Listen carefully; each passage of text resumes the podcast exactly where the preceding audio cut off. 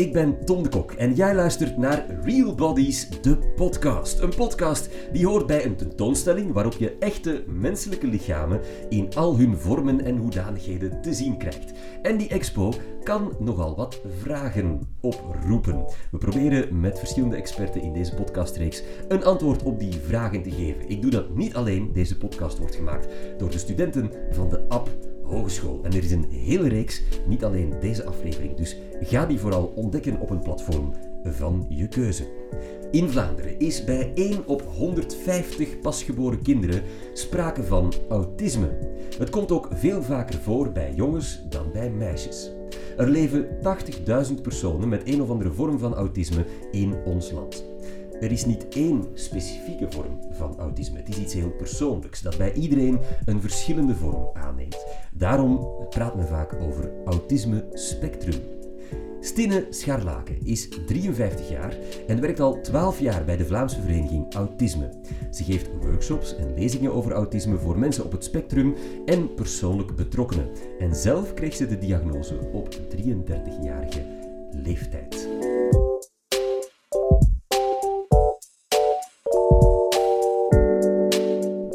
Stine, zeer welkom. Dank u. Wat een prachtige naam, Stine Schaarlaken. Ja, ja. Dat is een, een gedicht op zichzelf. Ja, officieel is het eigenlijk Christine. Maar, Ah ja, het is maar prachtig. Eh, doe hem nooit weg. nee. Stine, ehm, ja, zullen we beginnen bij het begin. hè? Eh, je was 33 toen ze bij jou, hoe moet ik dat noemen, autisme werd vastgesteld. Zeg Ja, je dat zo? Ja, ja. zo Ja. zeg ik dat zelf ook. Dat lijkt me laat. Hoe komt het dat je dat pas als volwassene hebt laten onderzoeken? Eh, in die tijd was het eigenlijk zo dat autisme nog veel voorkwam bij mensen met een verstandelijke beperking. En was het nog niet bekend dat het ook voorkwam bij mensen die normaal tot hoger begaafd waren. Eh, het werd ook gezien als iets dat bij kinderen is, alsof dat het zou weggaan als je volwassen wordt. Ja, Eh, en zeker dan al niet bij vrouwen. Hè. Het werd vooral bij jongens vastgesteld, en zeker twintig jaar geleden. Ja want Eh, je hebt het nu, want het klinkt alsof je het over de middeleeuwen hebt, maar het gaat over 2001. Ja, Wa- Was ja. de, wa- waren de, de, was, was- de blik op autisme toen nog zo Ja, achtergesteld? ja ik, ben, eh, ik eh, heb een diagnose gekregen op kinder- en jeugdpsychiatrie, omdat er toen nog niets bestond voor volwassenen. Als 33 jaar. Als 33-jarige, ja. Wauw, dat is... ja. Het bestond nog niet en zeker niet voor vrouwen. Ik was de tweede vrouw, volwassen vrouw, die daar werd getest. In 2001, ja. Dat wist ik niet. Ja. En, eh, waarom ben je op zoek gegaan naar een diagnose? Eh, ik wist al heel mijn leven dat ik anders was. Ehm, anders dan mijn vriendjes. Eh, ik, ik voelde dat gewoon. Tot overal, bij alles wat er gebeurde, voelde ik van ik ben anders. En ik was zelf al op zoek gegaan. Ik had alles gelezen over ADHD, ik had alles gelezen over hoogsensitiviteit. Er waren dingen die overeenkwamen, maar er waren ook dingen die, die niet klopten. En ik werkte als opvoedster en op een gegeven moment werkte ik bij een groep eh, mensen met autisme met een verstandelijke beperking. En er was iemand die zei tegen mij van Stine, zou dat kunnen dat jij ook autisme hebt? En ik zei nee, dat kan niet. Want ik ben heel sociaal, ik ben altijd in de Giro geweest, ik heb altijd eh, volleybal gespeeld, dus dat klopte niet met het beeld dat ik had over autisme. Maar ik had zoiets van, ja, ik wil eigenlijk nu wel weten waarom dat ik mij altijd al anders gevoeld heb. Dus ik, ben, eh, ik heb me dan laten testen. En eh, allee, ik ben op zoek gegaan van waar kan ik me laten testen. Ik heb me dan laten testen. En dan eh, eh, de eerst, na de eerste 20 minuten gesprek met de psychiater zei hij van dat kan niet, want jij weet wanneer dat je mij moet aankijken. Jij weet wanneer dat je iets moet zeggen. Jij weet wanneer... Dus dat, dat stereotype Ja. beeld was er. En dan zei ik van ja, kijk, u zet er de beste psycholoog op die u hebt. Ik wil nu weten wat dat ik heb. Maakt mij niet uit wat dat eruit komt, maar ik wil nu weten wat dat ik heb. En dan hebben we inderdaad testen gedaan met een psycholoog. En dan eh, is daaruit gekomen dat ik eh, autisme had. Autisme in zijn zuiverste vorm, gepaardgaand met een hogere begaafdheid. Dat was eigenlijk de diagnose die ik kreeg. Was dat een opluchting, Ja, die zeker diagnose? en vast. Ja? Ja, Had je, je had behoefte na 33 jaar om daar toch een soort van label, het een naam te geven. ja, ja, dat het vooral. in de ogen te kijken. Ja. Heeft dat veranderd voor jou, die diagnose? Eh, heel veel, heel veel. Ehm, voor mijn diagnose was ik eigenlijk niet zo gelukkig. Ehm, ik deed vooral wat ik dacht dat anderen... Allee, ik deed vooral wat, dat ik, wat ik dacht dat andere mensen vonden dat ik moest doen. Ehm, er was geen rode draad door mijn leven. Ik was in de Giro was ik zo en in de, op werk was ik weer anders en bij mijn familie was ik nog anders. En uh, na mijn diagnose ben ik op zoek gegaan van wie ben ik? Uh, wie is Tine met of zonder autisme? Uh, kan ik dat uit elkaar trekken? Heb ik, een, heb ik een persoonlijkheid en heb ik dat stukje autisme? Of, of, of is dat iets dat samen zit? Nu, dat zit samen, ja, dat kan je niet uit elkaar trekken. ook al is dat soms een beetje tegenstrijdig, omdat mijn karakter eerder zoiets is van oké, we zien wel en we gaan, wel, we gaan, we gaan er wel voor. En dan is daar dat autisme dat zegt van, oh, oh, oh, nee, nee, nee, nee, ik heb een aantal vraagjes. Hè. Uh, dat gaan we nu niet doen op die manier. Dus jij hebt bijna letterlijk een duiveltje en een engeltje op je schouder. Ja. ja. Kunnen we even in die jeugd duiken en, en toch even het hebben over...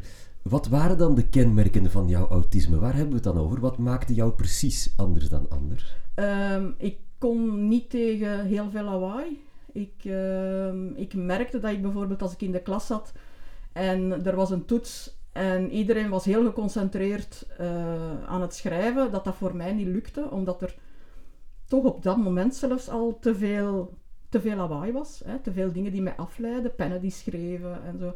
En ik zag dat anderen daar geen last van hadden.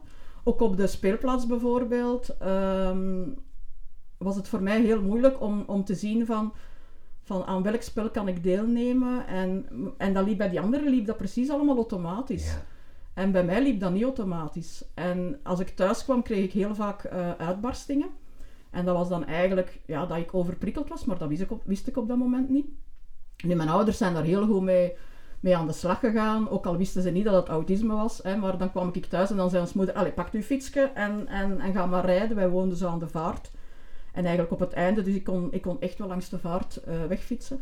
Ja. En dan, uh, en dan kon ik mij afreageren en dan waren die uitbarstingen er ook niet. Maar ik merkte ook dat dat bij anderen niet zo was. Hè. Of als je naar een fuif ging, ik stond meer buiten sigaretten te roken dan dat ik eigenlijk binnen op de fuif stond. Ja.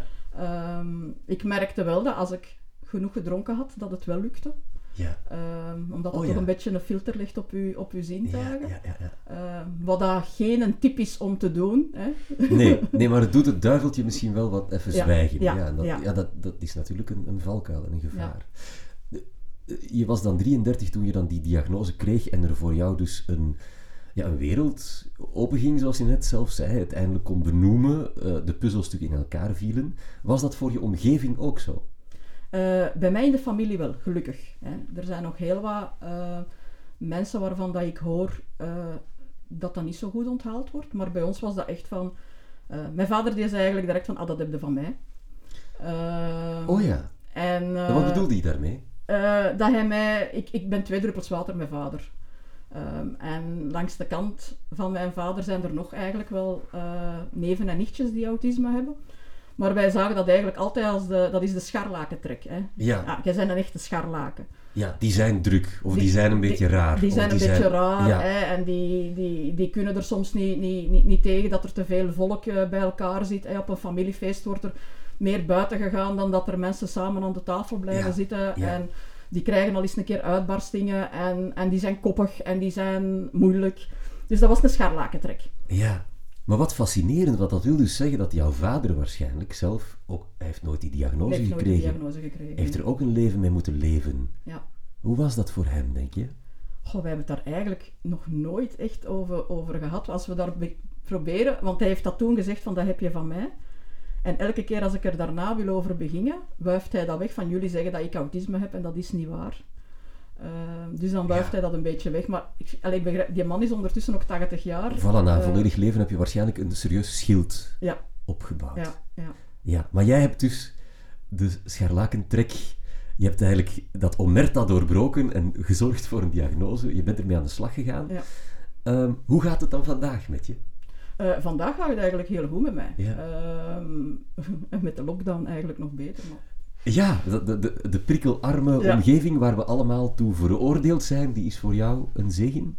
Uh, ja, langs de ene kant een zegen en langs de andere kant dan ook weer een vloek, omdat ik dat sociale in mij heb en dus nu eigenlijk uh, ja, weinig, weinig vrienden kan zien. Uh, wat dat dan weer moeilijk maakt met mijn autisme, omdat ik niet, niet, niet goed weet met mijn autisme van wanneer contacteer je iemand en wanneer contacteer je die persoon niet.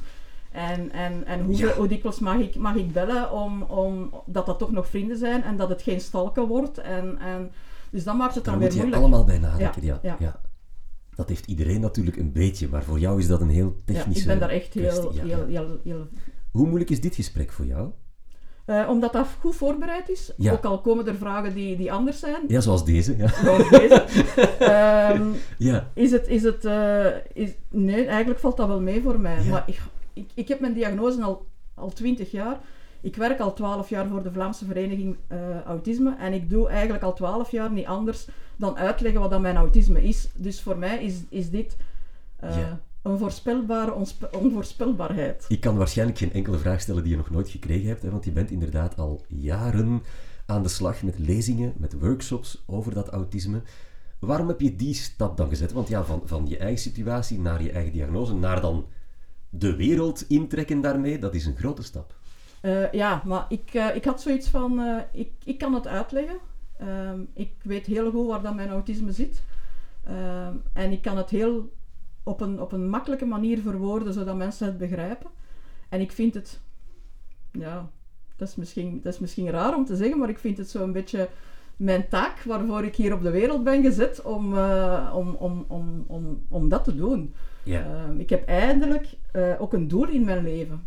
Ehm, en dat doel is om, om, om dat uit te leggen, om, om mensen die zelf een diagnose krijgen meer duidelijkheid te geven over wat, wat kan dat zijn, maar ook voor de, voor de omgeving, voor ouders die, die geen diagnose hebben en die dan een kind krijgen met autisme. Ehm, ja, van, van wat, wat is dat? Eh, hoe komt het dat uw kind het soms moeilijk heeft? Hè? Wat dat die diagnose bij mij ook teweegbracht en, en wat dat ik ook wil meegeven aan ouders is van wij zijn niet moeilijk, wij hebben het moeilijk. Mhm. En dat is een heel groot verschil. Ja, wij zijn niet moeilijk, wij hebben het moeilijk. Wordt daar in het onderwijs voldoende rekening mee gehouden vandaag? We zijn nu eh, toch twintig jaar na jouw diagnose. Is, is er veel veranderd? Want je komt in klassen, je ziet dat. Ehm, spijtig genoeg moet ik zeggen dat ik nog niet zoveel, zoveel dingen zie, dat er heel vaak nog weerstand is. Ehm, ook, al, ook al zijn er heel wat kinderen met autisme die, die, hè, die ook in het gewone onderwijs zitten. Ehm, toch zouden er kleine aanpassingen kunnen zijn, waardoor, dat die het, wel, eh, waardoor dat het wel zou, zou lukken. En dat zijn dan aanpassingen die zowel kunnen gebeuren vanuit de regering, hè, maar ook vanuit de scholen zelf. Hè. Als de regering bijvoorbeeld zou beslissen van klassen mogen niet groter meer zijn dan 15, dan zou dat al een hele oplossing zijn Ja. voor kinderen met autisme bijvoorbeeld. Ja, niet alleen voor hen, voor veel anderen, denk voor ik. veel wel. anderen ook, ja. niet, niet in het minst voor de leerkrachten. Ja. Ja, Ehm, zijn er nog andere aanpassingen? eh, dingen visueel maken. Ja. Ehm, als je zegt van we gaan het vandaag hebben over en dan zo een paar puntjes, die puntjes gewoon even op het, op het bord schrijven.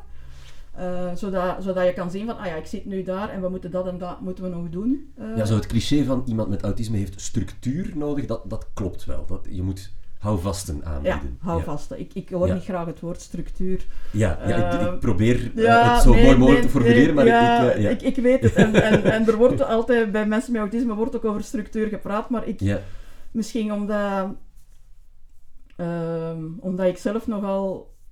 Langs de ene kant ben ik tegen structuur, langs Ja. de andere kant weet ik wel dat ik structuur nodig heb. maar moet ik het dan wegwijzers noemen of zo? Je hebt, je hebt Ja. kapstokken heb je nodig. Ja, dat je hebt is... iets nodig om even naar te kijken, iets om vast te pakken, iets... Ja, en, en dat moet niet veel zijn, hè. Dat mogen een paar woorden zijn. eh, dat moet niet allemaal met tekeningetjes zijn en, en wat dan nog. En zeker niet in Mhm. het middelbaar, kom daar niet mee af, want, want die... die Allee, die hebben dat helemaal niet nodig, die hebben er ook een hekel aan, dan, dan wordt hun autisme nog maar meer in de verf gezet. Ja, Ehm, maar als je gewoon een paar woorden op een bord zet, dan zijn ook de leerlingen zonder autisme daar goed mee. En dat is eigenlijk met heel veel aanpassingen. Ehm, heel veel aanpassingen voor mensen met autisme. Geef ook duidelijkheid aan, aan mensen zonder autisme. Ehm, hè, als, je het, als je het dan hebt over die visualisatie, of je hebt het bijvoorbeeld over het feit van, eh, als het mij hier allemaal te veel wordt, mag ik gewoon even buiten gaan eh, uit, uit de klas. Ik, ik leg een kaartje of zo, hè. ik moet mijn hand zelfs niet opsteken. Eh, want dat wordt dan meestal gevraagd. Hè. Eh, ja, ja, ze mogen van ons naar buiten gaan, maar ze moeten wel hun hand opsteken. Nu, dat is al een drempel die, die, die gewoon veel te hoog ligt. En, en, en, en dat gewoon niet lukt. Als je, als je, als je over je toeren bent en, en ehm, ja, dan lukt het niet meer om, om dat te Rustig je hand op te steken. Ja. Nee, dat is dan inderdaad niet... ja. Ik was zelfs ooit zo in een, in een school buitengewoon onderwijs. Eh, en, eh, En daar zeiden ze van ja, ze mogen van ons gaan, gaan wandelen in de natuur hier in, in de omgeving, maar ze moeten dat wel eerst gaan melden op het secretariaat. Ja. En dan zei ik van, van allee, dan, dan mag je toch niet verwachten van Nee, iemand nee. met autisme dat hij een klas uitgaat, nou, helemaal over zijn toren naar, naar, naar het secretariaat invult. daar nog eens een keer gaan aankloppen, gaan wachten totdat ze, totdat ze iets mogen zeggen. Ik zeg, dat, dat lukt gewoon niet. Op die moment, op die moment is er maar één ding in je hoofd en dat zegt Ja. van, ik moet hier buiten. Ja. Komen veel kinderen met autisme volgens jou nog te vaak, te snel in het bijzonder onderwijs terecht? Zouden we nog meer moeite doen om hen eh, de kans te geven om het reguliere onderwijs te volgen? Of is dat net geen goed idee? Ehm, ik, ik denk dat het belangrijk is dat mensen een keuze kunnen maken. En nu is die keuze niet eerlijk, omdat het, het gewone onderwijs niet genoeg aangepast is aan mensen met autisme. Maar door die kleine aanpassingen zou het voor, inderdaad voor heel wat meer eh, jongeren of kinderen met autisme mogelijk zijn om in het reguliere onderwijs. En die keuze is belangrijk, dat ze die keuze zelf kunnen maken van voor mij lukt het niet in, in, in het gewone onderwijs, of gewoon van het is veel comfortabeler in in het buitengewoon onderwijs. En, en, en, en ik, ik, ik maak die keuze.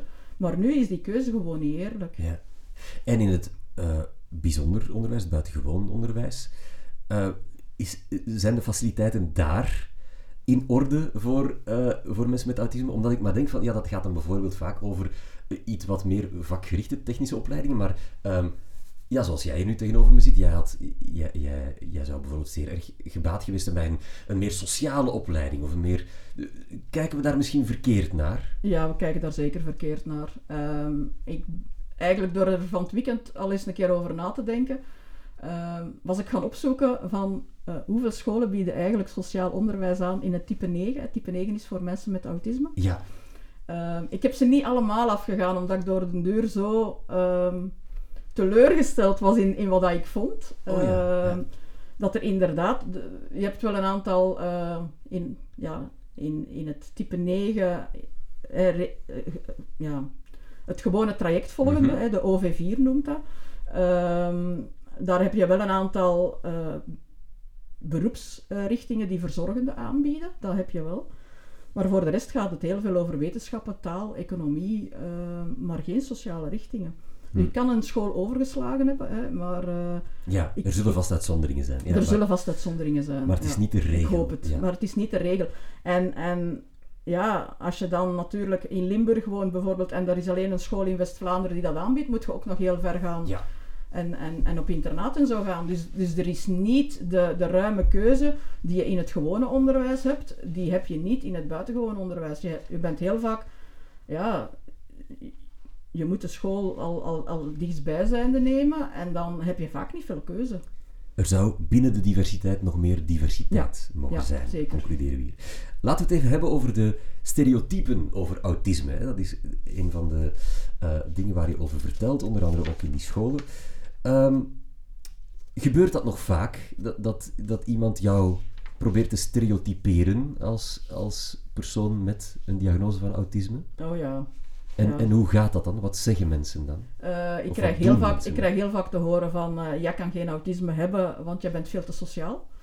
Ehm, Je past niet in het hokje dat Nee. wij vinden dat autisme moet zijn. ja, nee, ik pas daar niet in. Ja, dat zelfs artsen jou twintig jaar geleden eigenlijk verweten. Ja. Ja. ja.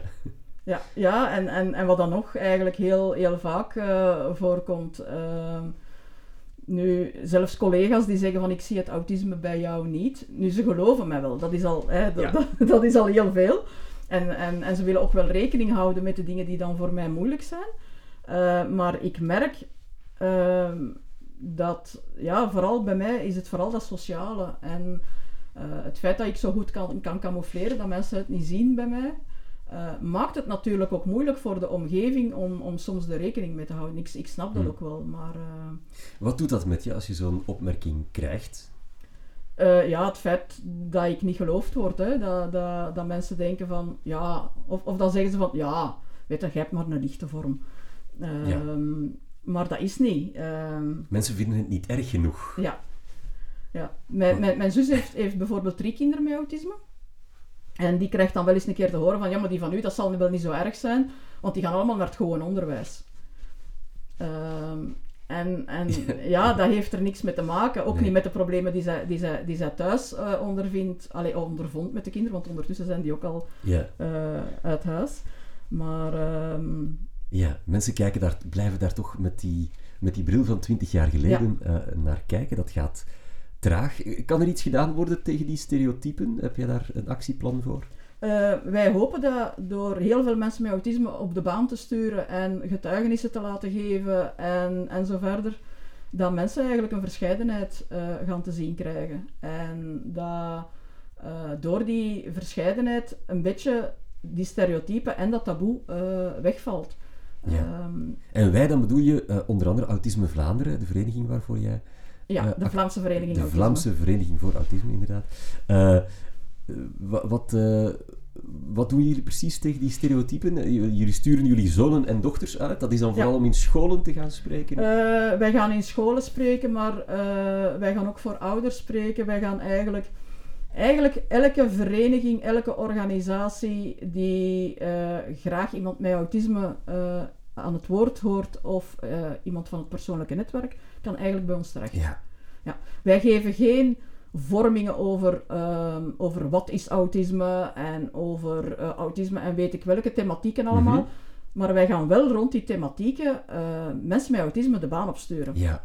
Dus als er ervaringsdeskundigen. Ja, ervaringsdeskundige. Dat is bij ons eigenlijk het, het, het belangrijkste, eh, Ja. die Want ervaringsdeskundige. we hebben het hier nu heel de tijd over, de, over het onderwijs, maar ik zit me dan zo af te vragen, dit moet op de werkvloer ook een gigantisch probleem zijn. Is dat iets waar jullie ook mee bezig zijn? Ja, daar zijn we ook mee bezig. Dus als er bijvoorbeeld werkplekken...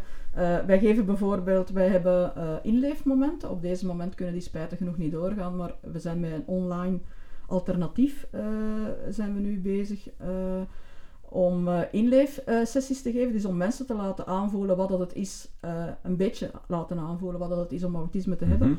En zo'n sessie wordt altijd gegeven met iemand eh, waar dat op zijn minst één persoon met autisme ook aanwezig is, Ja. om zelf voorbeelden te geven.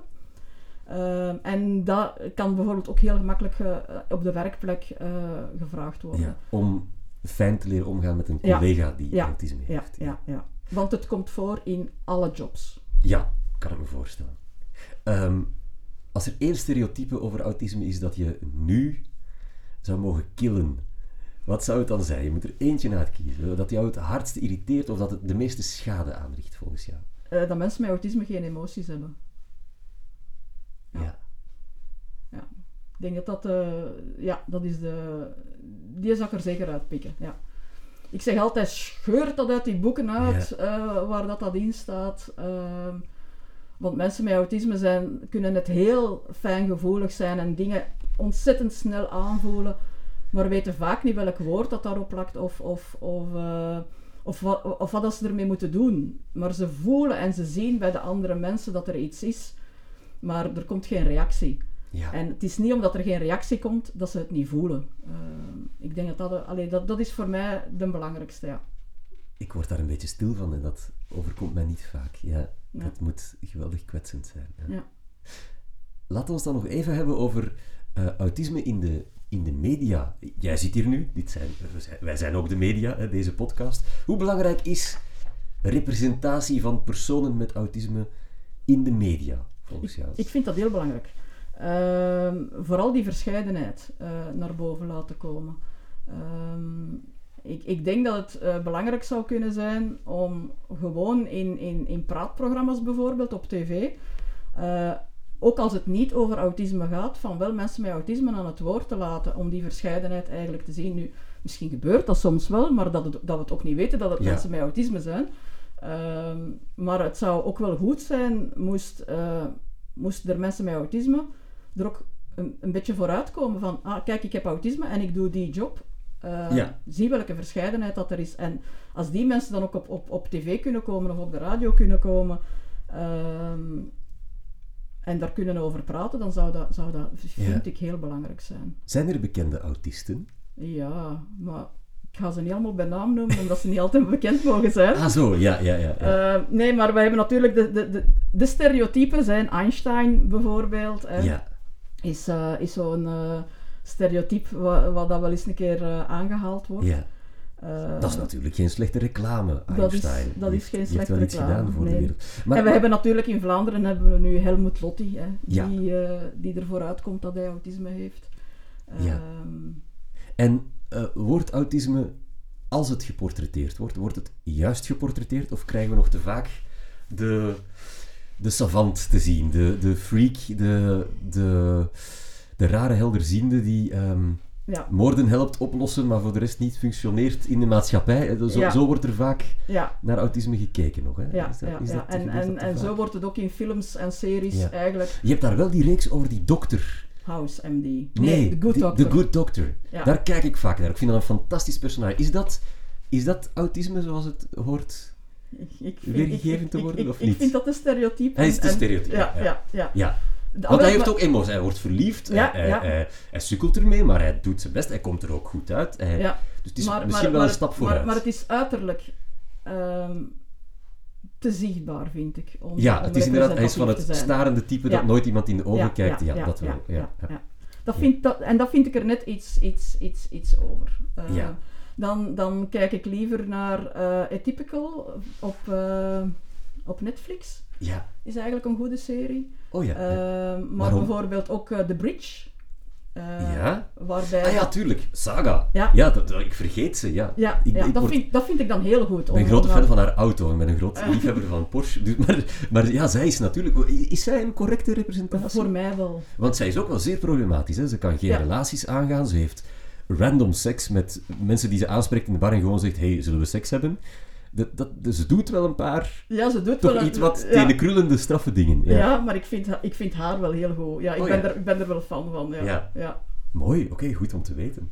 Ehm, bestaan er, bij jouw weten, acteurs en actrices met autisme die personen met autisme spelen? Ik wil maar zeggen, zou, zou dat geen oplossing zijn? Dat, dat we in thuis een personage hebben met autisme dat ook gewoon door iemand met autisme gespeeld wordt? Want is, is het probleem ook niet vaak dat een acteur die dat moet spelen, dat misschien wat onhandig aanpakt? Eh, ja, ik denk, ik denk dat die dingen misschien gaat uitvergroten. Maar langs de andere kant, eh, als, dat, als dat mooi is gebracht, maakt het voor mij niet uit of dat, dat iemand met autisme is of zonder autisme. Als het maar goed gebracht wordt. Mhm. Ehm, zoals Ja. bijvoorbeeld ehm, jaren geleden Ben X, hè, die eh, heeft verschillende mensen met autisme eigenlijk eerst ontmoet om te zien van, van hoe komt dat uiterlijk tot, tot, tot zijn recht, hoe, hoe zet ik dat best neer. Allee, die hebben daar echt heel veel, alleen Nick Balthazar heeft daar echt heel veel Ja, moeite gedaan van de film. ja, eh, ja, om, ja. Om, om, om daar eh, goed mee, mee, mee aan de slag te gaan. Eh, ik vond dat toen, op die moment, vond ik dat ook heel mooi in beeld gebracht. Als ik dat nu bekijk in deze context, dan zou ik zeggen van het was er misschien ook een beetje over. Maar misschien heb je dat wel nodig. Misschien heb je wel veel van die The Good Doctors nodig, die er een beetje om Ben X'en, om uiteindelijk ooit te komen tot een soort normaliteit, we Ja. het noemen. Ja, Nu, Ben X was al veel beter dan Rain Man bijvoorbeeld. ja, hè. ja want dat, ja. dat gaat effectief over Ja, over een de savant. savant. Ja, en dat... dat Ja, eh, terwijl, terwijl Ben X hè, wel naar het Hm. gewoon onderwijs ging en, en wel... Ja, allee, dat- En gevoelens heeft. ja, ja, ontzettend. Ja. Ik ga het nooit meer vergeten. ja, mensen met autisme hebben gevoelens. Ik wist het, maar het is goed dat het nog eens gezegd is. Eh, mag ik je bedanken voor deze representatie in de media, die volgens mij eh, zeer, eh, zeer goed geslaagd was. En mag ik je het allerbeste wensen bij het verder uitdragen van die positieve boodschap. Eh Stine Scharlaken, dank je wel. En jij, als je nog eh, veel meer wil weten over de wonderlijke achterkanten van Real Bodies, de expo, dan moet je vooral de rest van deze reeks eens beluisteren. Allemaal gemaakt door studenten van de AB Hogeschool. Heel graag tot een volgende keer. Dit was de podcast van Real Bodies, een samenwerking van het Sportpaleis en studenten van de AB Hogeschool.